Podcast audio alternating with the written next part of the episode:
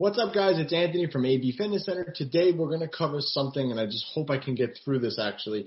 Uh, we're going to cover something that's totally outside the scope of fitness, but I'm going to tie it back in here and show you guys how it's related to fitness. So, we're going to talk about hemangiosarcomas. I've been practicing how to say that. Hemangiosarcomas in dogs and what recently happened to me with my dog and my experience with it. And then I'm going to tie it in and tell you guys how I kind of got around it with fitness and how fitness kind of has helped me get through this kind of time. Um, again, my job as a you know personal trainer, nutritionist, and your coach is to help you get through things in your life. So today's episode is really going to be dealing with stress in your life, how to deal with stress in your life, how to deal with death, and how to kind of cope with everything. All right, so I have to kind of explain what all this is and you know what a he hemangiosarcoma is in dogs. And we're gonna kind of I'm gonna be a little vet today, so that's my uh, my goal is to kind of educate you guys on what this is, and hopefully you guys never have to experience what we've just experienced with our dog. And um, so basically, for those of you that know me and know me personally, you know that I recently lost my German Shepherd of 11 years. Uh, she was the best dog ever. Not everybody says that, but she really was. And um, we lost her literally within two days. Uh, crazy, like deterioration, like happened immediately with no prior signs of anything. So I'll explain like exactly what that is, and uh, hopefully someone clicking on this video who's dealing with this also can kind of uh, get some comfort in knowing what kind of happens at this point. But again, my job is to educate you and instruct you and show you how to get through things in your life for and be better off in the long run fitness wise. Okay. So guys, if you haven't already, make sure you hit that subscribe button so you never ever ever miss a beat and you get real life applicable fitness information right away. And also if you're not following me on Instagram, you can at AB Fitness and you'll see a beautiful picture of my dog on there too because I posted that up. And I also should preface this video by saying it's been I think 13, no, 14 months since we had to put down my boxer for a different reason. So it's just like, it's been a year. It's been definitely a year. So let me share my screen here.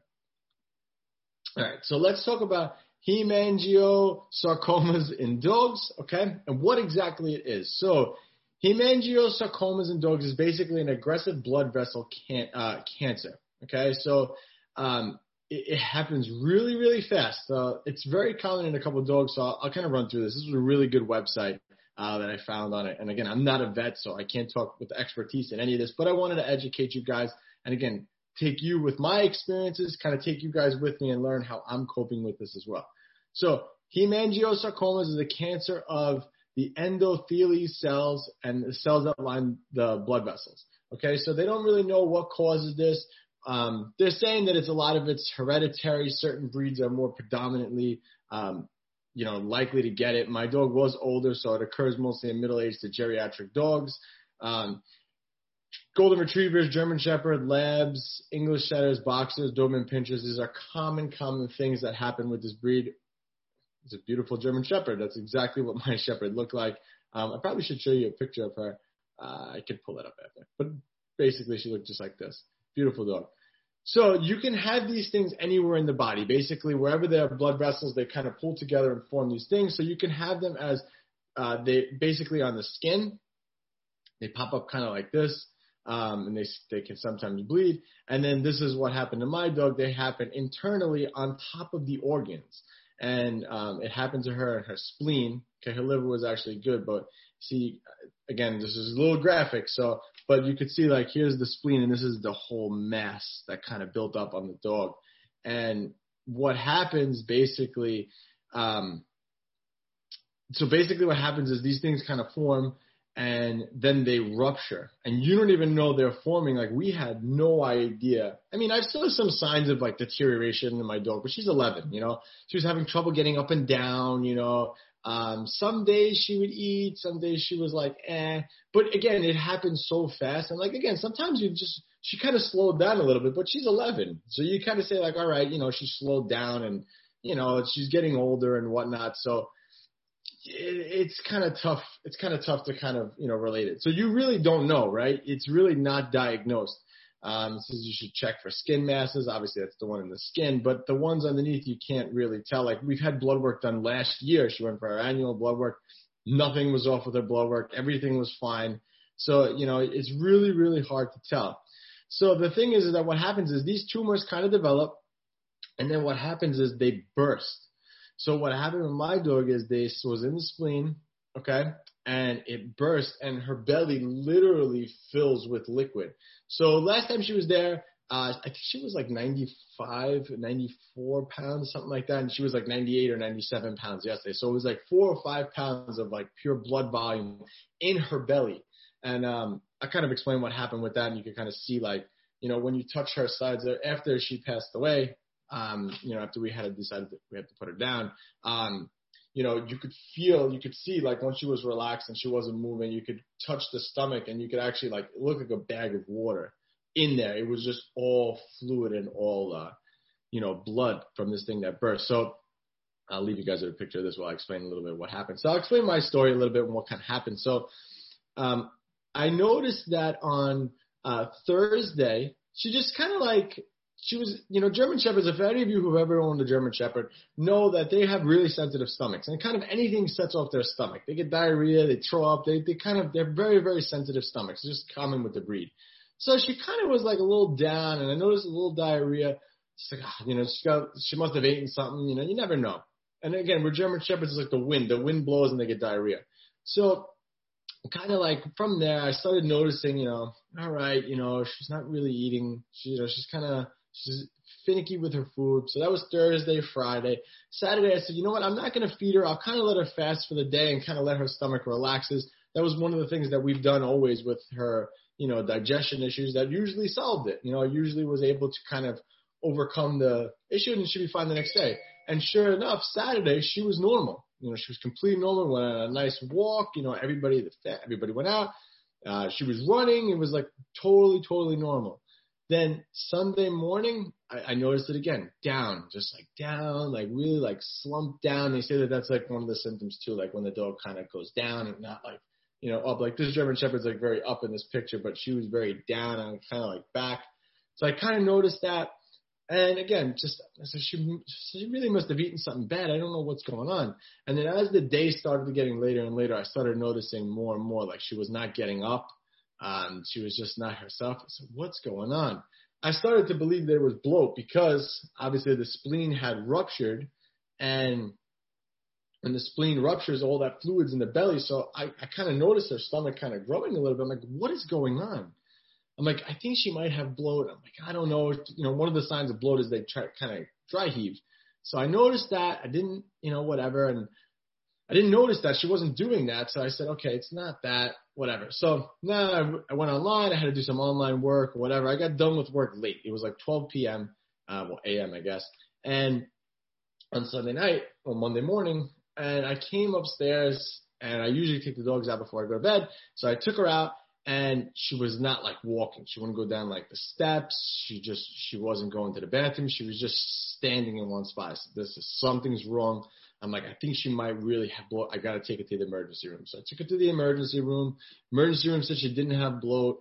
Um, they wanted to do all this crazy stuff, leave her overnight and give her vitals. She was really dehydrated. They didn't, they didn't know anything in this place. So I just, I asked if they, she was stable enough to go home. They said yes. I took the dog back. And then literally the next morning, the first thing in the morning, we took her directly to the vet. And within five minutes, my vet was able to tell me that she had this, uh, I gotta go back to the name hemangiosarcoma, like right away. She was able to determine it. And we did uh, an ultrasound test on her stomach, and you could see the big mass there. Um, she actually had three of them on her spleen, and it was really growing, and they were rupturing, and her whole belly was just in, insanely full. And then at that point, the vet told us there's really nothing they could do if they cut her open and take the spleen out. You know, there's all these complications, and she'll only live a couple months after that. So we had to make the rough decision of actually putting her down. It's, it's brutal, brutal, brutal, brutal. So again, this is just kind of like what's what gets affected by um, hemangiosarcomas. so you got the liver can be affected, the spleen, which is what happened with my dog, um, the bladder, and even the heart. These are some of the things that can be affected. And again, this is exactly this is not my dog's X-ray, but it's exactly what it looked like. You know, um, the spleen, and then this is the huge mass there. And again, you don't even know. So now, um, I guess I could I could leave I'll leave this up. This is a nice image to look at. This beautiful dog here. so anyway, so I'll zoom out a little bit so you can see the full dog. A little more. So anyway, so now, you know, this has all hit us kind of like, you know, boom, right there. You know, what what just happened? You know, we had to put the dog down. The, literally the vet told us like she's dying. So, you know, it, it, it's been really tough. I mean, I've had to put down my other dog before. He had a different type of cancer, and we had to put him down, and that was tough too. Losing a pet is never easy. Um, if you ever lost a pet, comment below. Let me know how did you kind of cope with the loss of a pet. But I kind of wanted to. So some of the signs. I guess we'll talk about the signs first. I explained kind of what happened, but the signs were just, you know, her being like really out of it. That was like the big sign. Her being really out of it and uh, you could actually like see her belly starting to to, to grow. It's really like nothing, no other sign. But how does this relate to fitness? How does this relate to you know exercise and you know why I'm a personal trainer nutritionist and why am I talking about this? So the reason why I'm talking about this is because I want you guys to learn from my life experiences and one of my life experiences is you know dealing with death and stress from all this. So yesterday I still worked out I still went to work. I still hit my macros. I still logged my nutrition. I still took care of my nutrition. And yeah, in reality, I probably could have skipped a day. But the reason why I didn't was because, well, one, I have motivation to do that because I want to just prove to you guys and show you guys that, listen, you could still do this no matter what. But simple fact of the matter is just like when you're on a plane, you know, they tell you if the plane's going down, the oxygen mask drop, you have to be able to put on your, you have to put on your oxygen first before you can help others. And it's the truth. Fitness, I tell people this all the time. Fitness has given me everything in my life. It's given me everything. But it's because that I take care of my body and myself first that I'm able to handle things a lot better. Like, you know, I was a mess. I'm not going to lie. Like, of course, you know, I, I lost a loved one, right? Like a pet. For those of you that aren't dog people, you know, you won't really understand. But like for those of you who've lost a pet before, understand the loss and the heartache and the pain that you actually have to go through with this. And you know, it's not easy. You know, I'm, I'm not gonna lie. You know, it was very, very tough. It still is very tough. I mean, it's very early on. It's only one day post. Um, but again, fitness has helped me get through things. I still worked out yesterday. Maybe my workout was definitely half-assed yesterday, but I still did it. You know, I still I punched the clock, and I talk about this all the time. I talk about this in other videos. You have to do the boring work. You have to do the stuff that no one wants to do during that time. You know, and that's the way you ex- achieve success. And fitness is just it's an outlet for me. It helps me cope with things. You know, going through the you know exercising it, it, it did. It made me feel better. You know when you exercise you release endorphins and it helps you to you know kind of get through things. And i you know how i deal with stress is different than how you deal with stress but you know sitting around and sulking about it is not going to make anything better. It's not going to bring the dog back.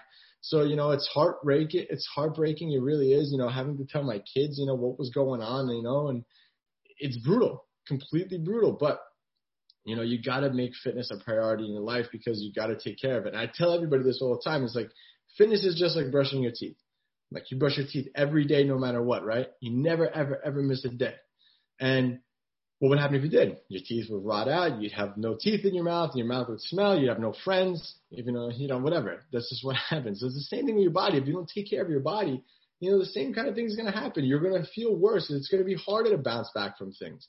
So I'm telling you what I do when I deal with stress is I always push forward. You know, I always in my life always try to look forward and always try to, you know, just move forward in some sense. And again, I'm not I'm not trying to be cold to everything that happened or anything, but I know I gotta I have goals that I have to hit, and my goal is to hit those goals. And life is always going to throw obstacles in the way. And this was a big obstacle. This is tough. This is going to be a huge loss for my family. I mean, you know, my dog was my shadow. She was like literally right here. And like it hurts to look down and not see her.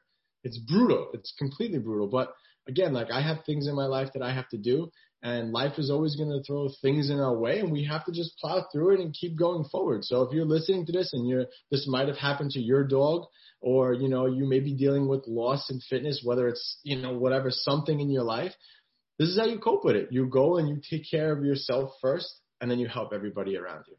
You know, I constantly texting my wife, seeing how she's doing, the kids, how's everyone doing, how's everyone doing, you know, and I process things a little differently. You know, I went on a long walk with my other dog yesterday and, you know, I, every every it hurt. Every step hurt. Every step literally hurt because all I was thinking about was my dog. And again, but I checked the boxes on the things that had to get done that day. I checked those boxes. I didn't miss a beat. And I expect the same from everybody. I think that you have to check those boxes in your life for the most important things. And, you know, sometimes sitting around is, you know, sulking and, you know, like being upset. And there's a time and place for that. And I'm not saying that you shouldn't do that. There's definitely part of healing. You have to have time and you have to kind of like let it out. And I think that that's important. But the main thing is you got to check the boxes on the most important thing in your life. Like, you know, something would have happened to anyone, you know, you still would brush your teeth, right? Because you still got to take care of your teeth. It's the same thing with your body. You just can't forget your body and put your body on the sideline. And most people do that. They put their bodies and their health and their fitness second to everything. And that's not good. You only get one body, you only get one temple, and you have to make sure you take care of it because your time is always clicking. You never know when that last day is going to be, and you want to make sure that you take care of everything that you got. So again, I want to say, you know, hopefully this helped the, some of you guys out with anything, um, you know, whether this happened to your dog, um, you know, whether that you've experienced some sort of loss in your life. Hopefully this helped you. And hopefully this was a good reminder to those of you who are just listening to the story that, you know, fitness is a priority. You have to make your health and your fitness a priority in your life in order to achieve success in everything. Because I guarantee you, everything is inter- is connected. Okay. All right. So make sure you watch this video and this video here for fitness information, for real fitness information. Okay. And please drop a comment below. Let me know about, you know, how you dealt with the loss of a pet. All right. I'll catch you guys on the next one. Thanks for listening.